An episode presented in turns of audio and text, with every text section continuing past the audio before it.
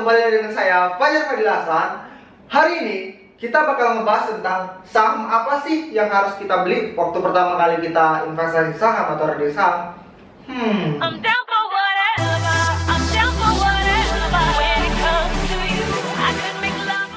Oke jadi gini teman-teman, kebanyakan orang ketika udah buka rekening saham, dia kan pengen trading nih atau investasi.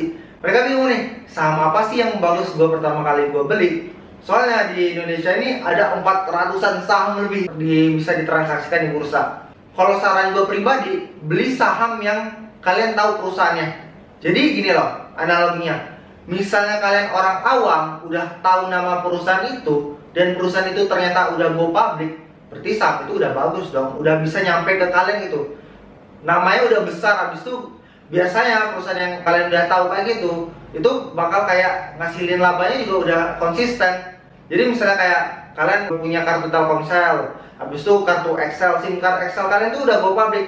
Kalian suka belanja di Indomaret, beli saham Indomaret, beli. Kalian suka minum Starbucks, beli saham Star- Starbucks. Misalnya jadi kalian tuh bukan konsumen doang, kalian pemilik perusahaan. Kan kalau kalian beli eh, saham berarti kalian pemilik perusahaannya kan? Itu. Jadi beli saham yang kalian udah tahu aja perusahaannya. Karena perusahaan kayak gitu udah namanya udah bagus dan biasanya labanya udah konsisten.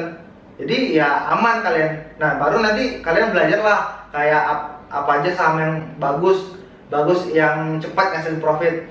Ya tapi nggak apa yang buat kalian pertama kali ya saham yang kalian tahu aja. Soalnya itu udah terbukti bagus dan ya kalian orang kamu udah tahu gitu.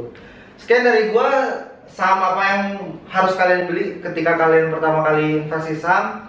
Sekian, terima kasih. Semoga bermanfaat.